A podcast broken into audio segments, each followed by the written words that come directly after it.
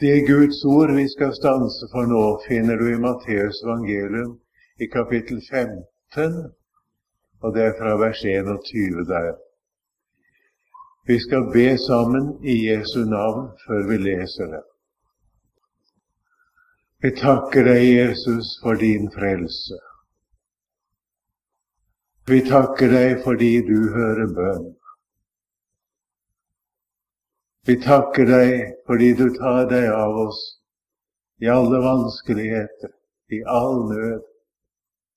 At du er nær hos hver og en som kaller på deg. Nå ser du vi er samlet her i ditt navn. Vi har det løftet fra deg selv at hvor ditt navn kommes i hu, er du selv til stede. Og det regner vi med, Herre. Så ber jeg igjen at du vil tale til vårt hjerte. At ditt ord kan bli til hjelp for oss, Herre. At vi blir i stand til å forstå det og gjøre bruk av det, Herre. At du gir meg igjen ord og tanker og er med meg når jeg leser ditt ord. Amen. I Matteus evangelium kapittel 15 leser vi fra vers 21 i Jesu navn. Og Jesus gikk bort derfra og trakk seg tilbake til landet ved Tyrus og Sidon.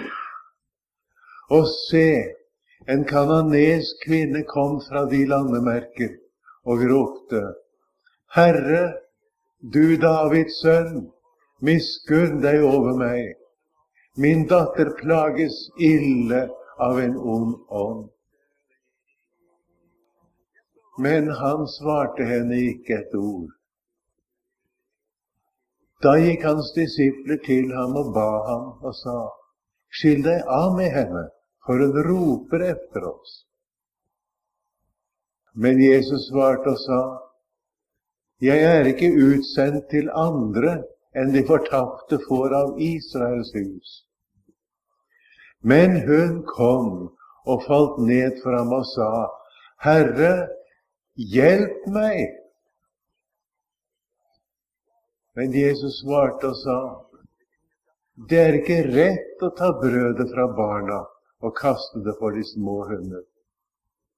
Men hun sa, Det er sant, Herre, for de små hunder eter jo av de smuler som faller fra deres herres bord. Da svarte Jesus og sa til henne, Kvinne, din tro er stor. Deg skje som du vil og hennes datter ble helbredet fra samme stund. Amen.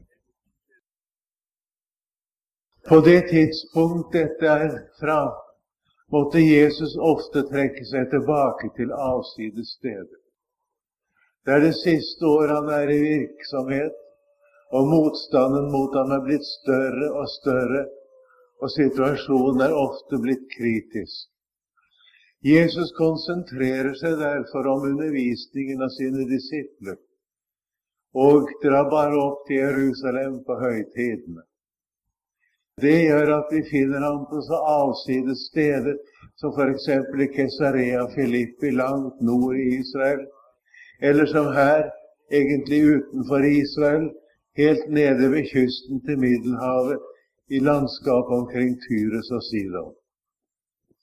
Da hender noe uventet. Noe meget uventet. Det er en kvinne fra distriktene der som kommer og roper Herre, du Davids sønn. Hun roper så alle som er til stede, kan høre det. Herre, du Davids sønn, miskunn deg over meg. Israel turte de ikke si det høyt på dette tidspunkt. Det var en blind ved Jeriko. Jeg satt to blinde der. Den ene av dem ropte, 'Du Davids sønn', da Jesus dro opp for siste gang til Jerusalem. Han ville at de, han skulle helbrede disse blinde. Da ble han hysjet ned.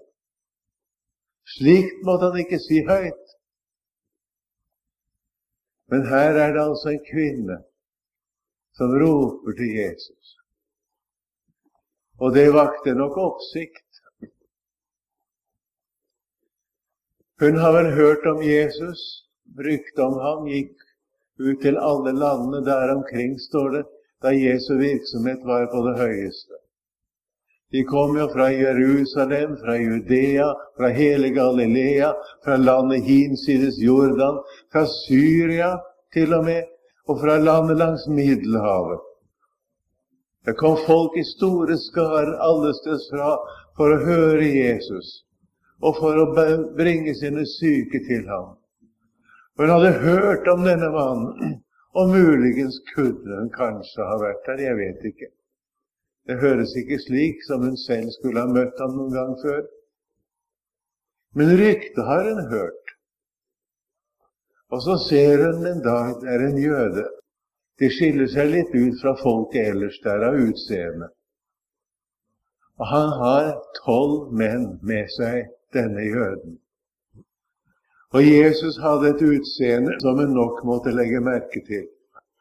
Det finner vi i en beskrivelse av ham som ligger i det keiserlige arkivet i Rom. En prokonsul, som det het, fra Midtøsten, hadde gitt en beskrivelse av Jesus, en som hadde sett ham, og det er en beskrivelse fra hans samtid.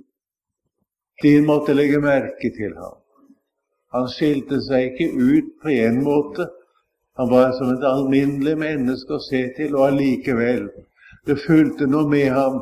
For som, han skriver at den som har sett ham en gang, kom aldri til å glemme det mer. Og så har han disse tolv med seg, og så tenker hun de må være han.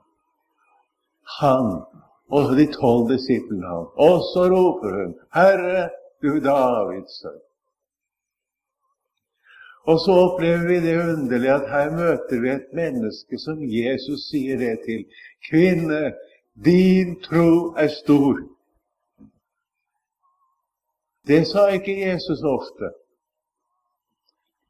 Og det hendte han sa til disiplene, og vi leser iallfall to ganger om at han sa til disiplene dere lite troende. Den ene gang var ute på Genesaretsjøen. Det kan være ille der, altså. Og disse erfarne fiskerne, som kunne være vant til litt av hvert, de var temmelig sikre på at nå går båten under. Og Jesus lå i båten og så. Da ble de redde. Da spør Jesus, hvorfor er dere redde, dere lite troende? Da gjorde ikke Jesus det som vi hører så ofte i dag. Du, hvis du har tro for det, så skal Jesus hjelpe deg. Jeg hører det ofte i dag. Hvis du har stor nok tro, kan du få store åndelige gaver. Det hører vi ofte i dag. Og når det ikke skjer noe mer, så er det fordi vi har så liten tro. Vel, jeg hører nok til dem som har liten tro. Og Jesus har visst grunn til å si også til meg, du lite troende. Han sa det til apostlene, og så hjalp han dem. Ikke sant? Han sa ikke det at hvis dere har større tro, så skal jeg hjelpe dere. Å, dere lite troende, sa han. Så hjalp han dem. Den andre gangen er i bergpreken. Da spør han dem skal han da ikke kle eder i lite troende? Dere er bekymret for mat og klær og mye annet. Ja, bekymringer har menneskene nok av også i dag. Det tar litt andre former enn på Jesu tid. Men det er mange mennesker, også mange kristne, som er nedlest av bekymringer. Og så ser du til at i tillegg til alle andre bekymringer får de også den bekymringa at de ikke skal bekymre seg. Så blir det også en bekymring. Og det har jo aldri vært Herrens mening. Så sier Jesus til ham, du lite troende. Du glemmer noe, du. Din far i himmelen kler deg, du lite troende. Han sier ikke, som vi ofte hører, hvis du har tro for det, så skal du få hjelp. Du lite troende. Du har en far i himmelen som hjelper deg. Du har en frelser, du lite troende. Skal se litt på ham. Nå har det ikke så mye å si om hva tror er, stor eller liten, for den saks skyld. Og la meg nevne det for at det ikke skal oppstå misforståelse.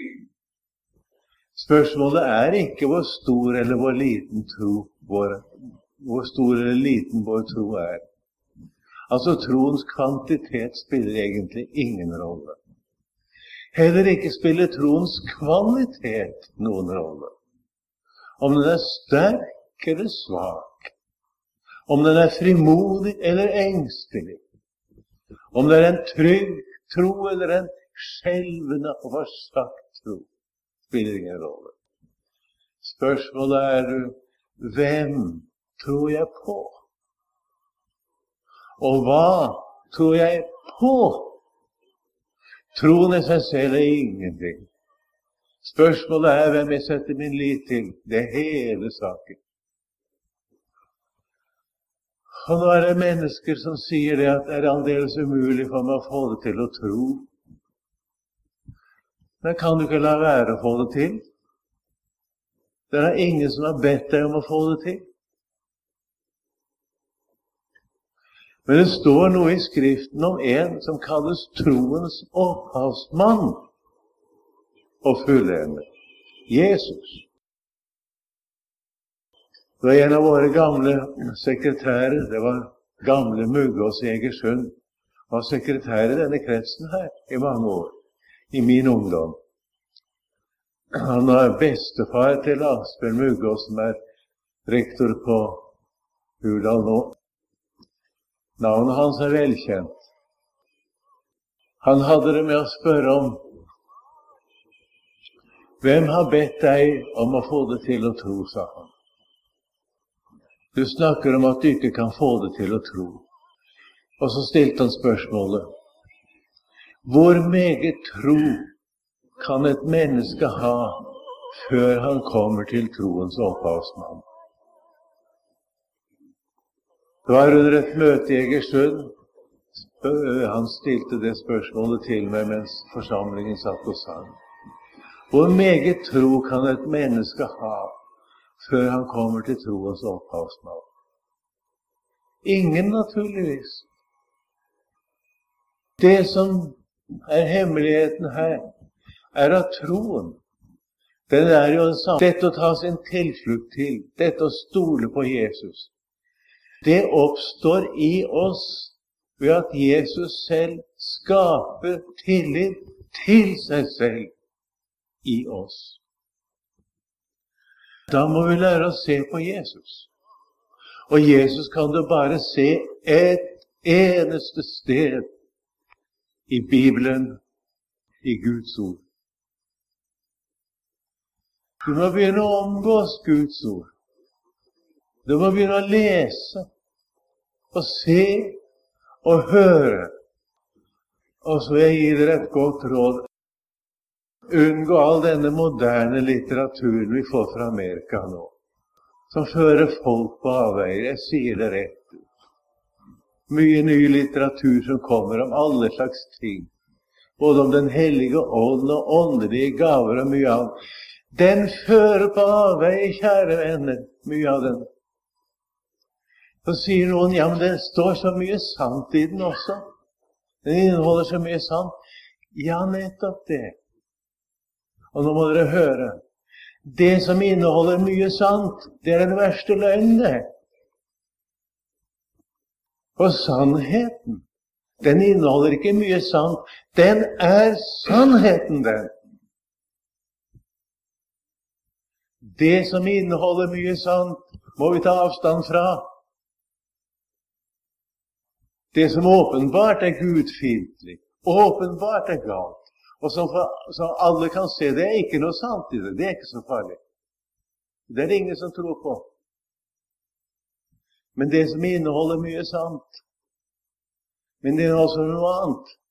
Det er det som er løgnen. Og Når djevelen skal forføre Guds folk, og når han skal lede kristne mennesker på avveie, så kommer han med det som det er meget sant i. Men det er ikke sannheten. Det er Jesus som er sannheten, og det er intet som kan erstatte Bibelen. Og Jeg skulle gjerne ha lyst til å si til dere unge Det ble meg sagt at det er en del unge på møtet her nå, og det er godt. Gå tilbake til de gamle kildene, du. Jeg vil råde deg til å lese slik som Hope og Hallesby og Rosenius og Luther og tenk om noen av dere kunne være så forstandige at dere går på biblioteket og begynner å lese Johan Arnt eller Kristian Skriver. Du ville bli høylig forbauset. For det første vil du bli forbauset at du møter kristne mennesker som taler om de vanskelighetene du har nå. Men tenk at disse levde da for så lenge siden. De er ikke aktuelle, sier man. Hvis du ga deg tid til å lese, skulle du oppdage de taler om dine vanskeligheter. Du kom til å si til deg selv ja, men dette er jo meg. Ja visst. Åndelig sannhet er det samme til alle tider. Menneskenaturen har vært den samme til alle tider. Sannheten om oss har vært den samme til alle tider. Hjelpen mot for oss har vært den samme til alle tider. Tenk om dere unge ville ha vett og forstand til å gå tilbake til begynnelsen, til utgangspunktet, til Guds eget ord. Der ligger fornyelsen. Og slik litteratur som fører oss tilbake til begynnelsen, det er det som hjelper oss. Da ville du få se og høre meget så kom til å rette blikket ditt på Jesus, fordi det bringer deg Guds eget ord. Det stiller deg ansikt til ansikt med Jesus selv, og det skaper tillit til Jesus. For det er sant at troen kommer i hjertet ved at jeg får se Jesus. Og jeg strevde med dette, kan du tro, i min ungdom. Jeg holdt på å skulle tro, og jeg holdt på å skulle omvende meg, og jeg tok det virkelig alvorlig. Så alvorlig som det var mulig for et menneske å ta det med meg selv. Og jeg gikk i nesten tre år, og resultatet ble lik null. Til slutt så kunne jeg ikke kjenne noe som helst. Og jeg sa til meg selv jeg kan bare gi opp. Det nytter ikke. Jeg har prøvd å omvende meg. Jeg har prøvd å være med på alt jeg har fått råd om. Og jeg har fullt engasjert i kristent arbeid. Du kan tro jeg var ivrig. Det manglet ikke noe på. Jeg tok det langt mer alvorlig med det jeg var med i, enn de fleste gjør i dag. Men der sto jeg, måtte si til meg selv Sannheten er den det er forbi. Jeg ser ikke et lyspunkt. Da var det jeg fikk se Jesus. Det skjedde på den måten at et Guds ord viste meg Jesus har frelst deg for 2000 år siden. Det du ber om at Gud skal se i nåde til deg, at du skal oppleve frigjøring, Jesus kjøpte deg fri på Golgata kors, fikk jeg se. Jeg så. Jeg var fri. Jesus hadde gjort meg fri.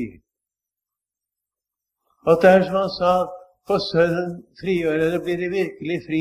Og den frigjøringen, den fullførte Jesus på korset. Og jeg gikk og ventet på at han skulle gjøre det inni mitt hjerte. jeg. Den er skjedd, den, kjære venner. Da fikk jeg øye på troens opphavsmann. Jeg ble så glad. Jeg satt på universitetsbiblioteket den formiddagen. Jeg pleide å sitte der i min studietid. Jeg var så glad jeg kunne gått bort og omfavnet lesesalsinspektøren. Det var bare dumt at jeg ikke gjorde det. Men jeg var altfor sjenert til å gjøre sånne ting, vet du. Og det ville jo vært litt påfallende også. Men jeg ble så glad. Hva var det som var skjedd? Ganske enkelt mitt hjerte var rettet på Jesus istedenfor på det Jesus skulle gjøre inni meg. Eller skal jeg si det på en litt annen måte? Istedenfor å ha mitt hjerte rettet på troen, fikk jeg rettet den på Jesus. Og da var troen der. Tro er ikke noe man får til. Og det vil jeg si at hører du til dem som har fått det til å tro, da er det mistenkelig. Og synes du om deg selv at du kan vinne om en stor tro, altså, stakkar deg.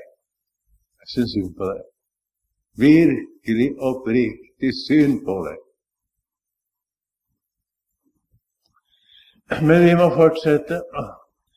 Vi hører altså her om en som har en stor tro. Og det kan jo være verdt å spørre hva er det for noe ved dette mennesket som gjør at Jesus sier, 'Kvinne, din tro er stor'? Her kommer hun til Jesus med sin nød og påkaller Jesus som Messias. Det var det som sagt få om noen som våget å gjøre, og slett ikke der omkring. Herre, du Davids sønn, sier hun. Påkaller ham altså som Messias. Min datter plages ille av en ond ånd. Hva skjer? Ingenting skjer. Jesus tier. Hun roper. Jesus tier. Hun fortsetter å rope.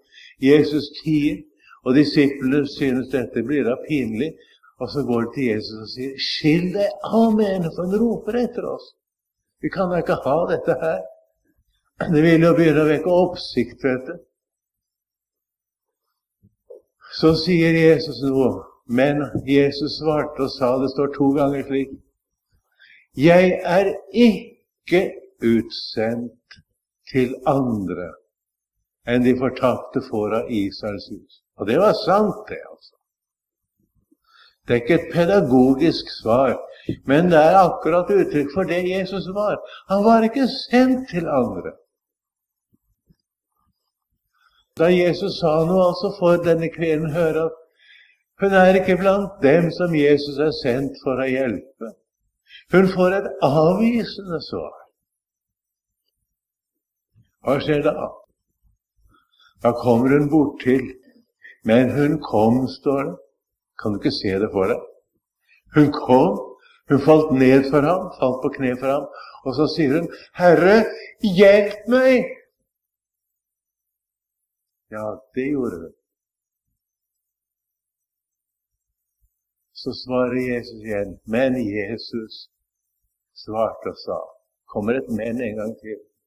Det er ikke rett, sier Jesus, å ta brød fra barna og kaste det for de små hunder. Hun blir sammenlignet med de små hunder. Israel, det er altså barna i dette tilfellet.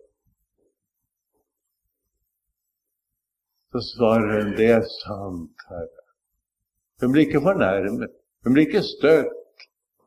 Jeg sier ikke det var også noe å sammenligne oss med små hunder. Det er sant, Herre.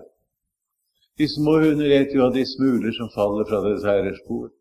Og du skjønner hva hun mener. Det spiller da vel ingen rolle om du hjelper meg.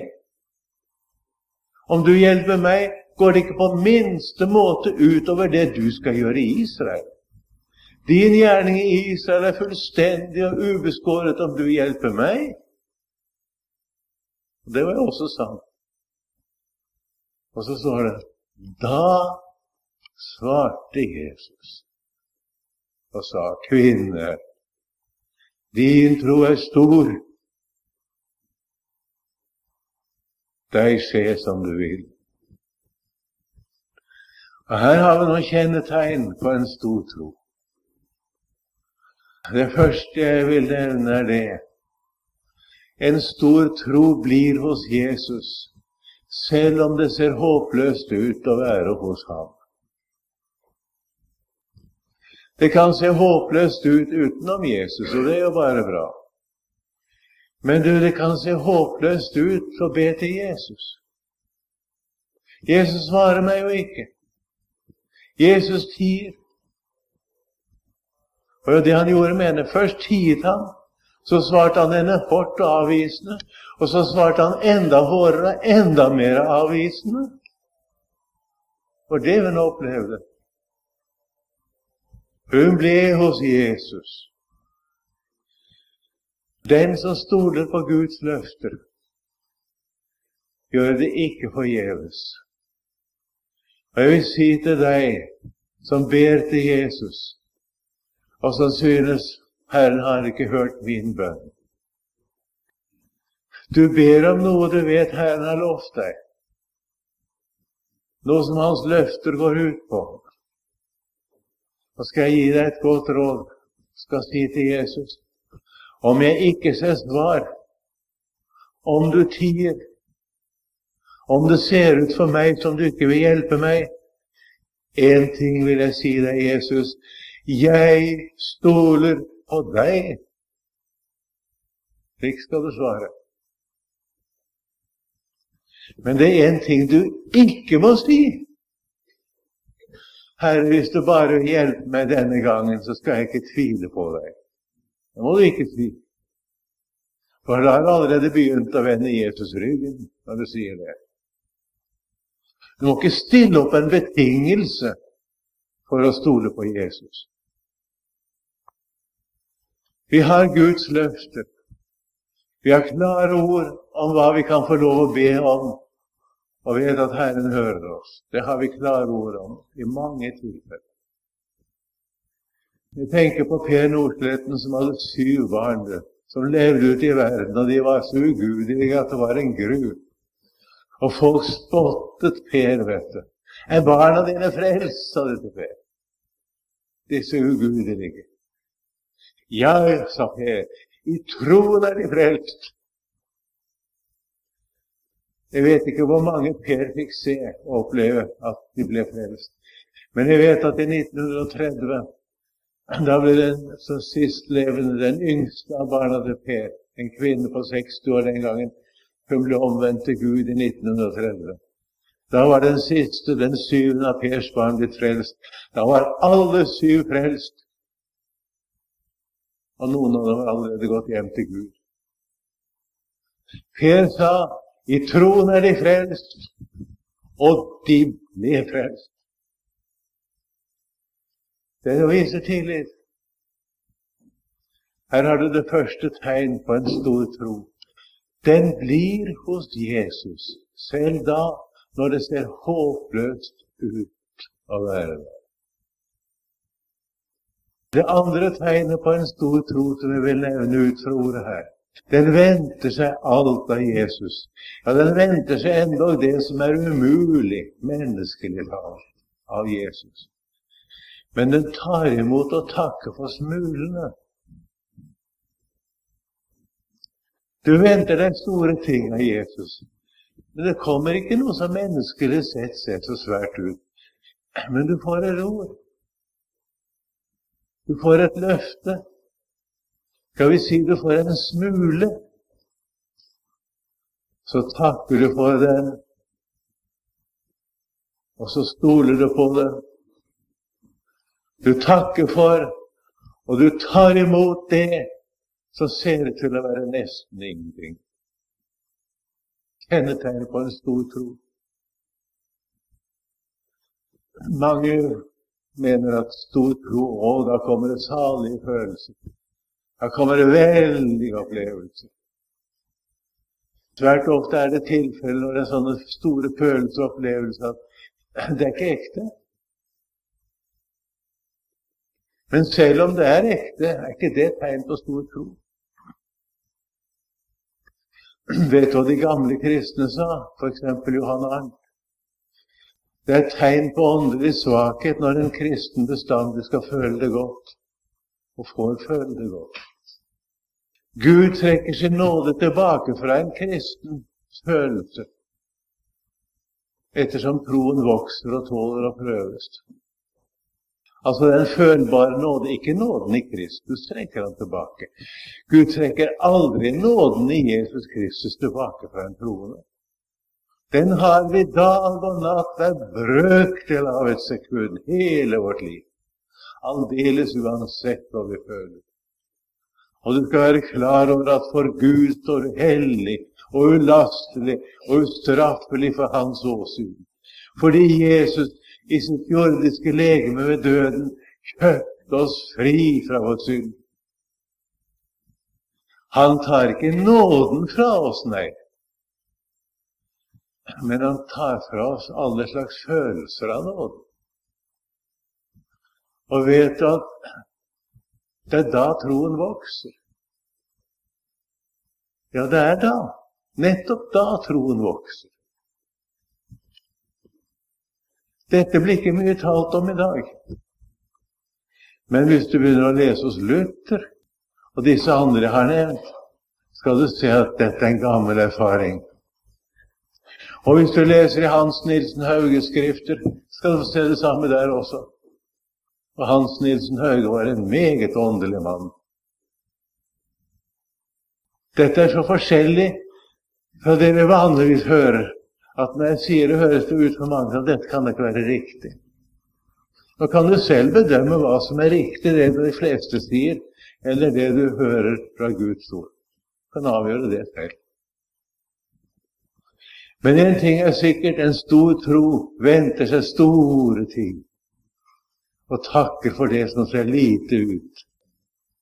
Og så kommer det tredje kjennetegnet på en stor tro, kanskje det viktigste av alt.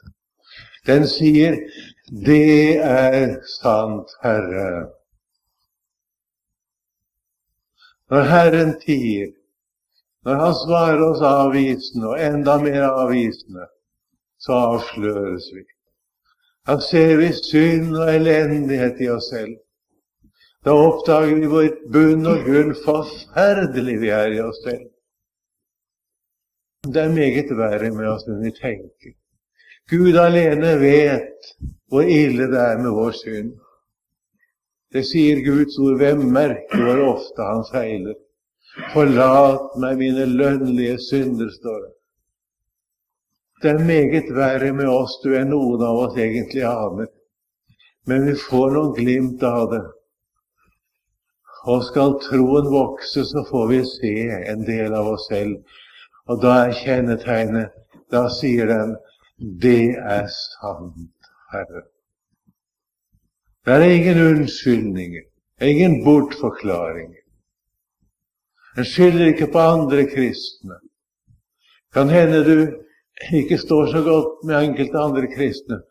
Da sier ikke du det er deres skyld, du sier det er min skyld. Det er meg det er galt med. Da hun sa det, det er sant, Herre, da svarte Jesus. Og det er det siste kjennetegn på en stor tro. Den får hjelp. Ofte når du minst tenker det, kommer hjelpen. Jeg har opplevd det så mange ganger. Når minst ante det, da var hjelpen der. Og Jesus svarer. Så hjertet ble fylt av takk og pris. Men så må vi lære om igjen. Og den veien vi er kalt til å gå som kristne, den er smal. Den veien de fleste går på, den er ikke smal. Den port er vid, og den vei er bred, som fører til fortapelsen. Og mange er de som går inn gjennom den, sier Jesus. Og Det er farlig å gå der hvor det er populært å være. Og den kristendommen som er populær, den fører til helvete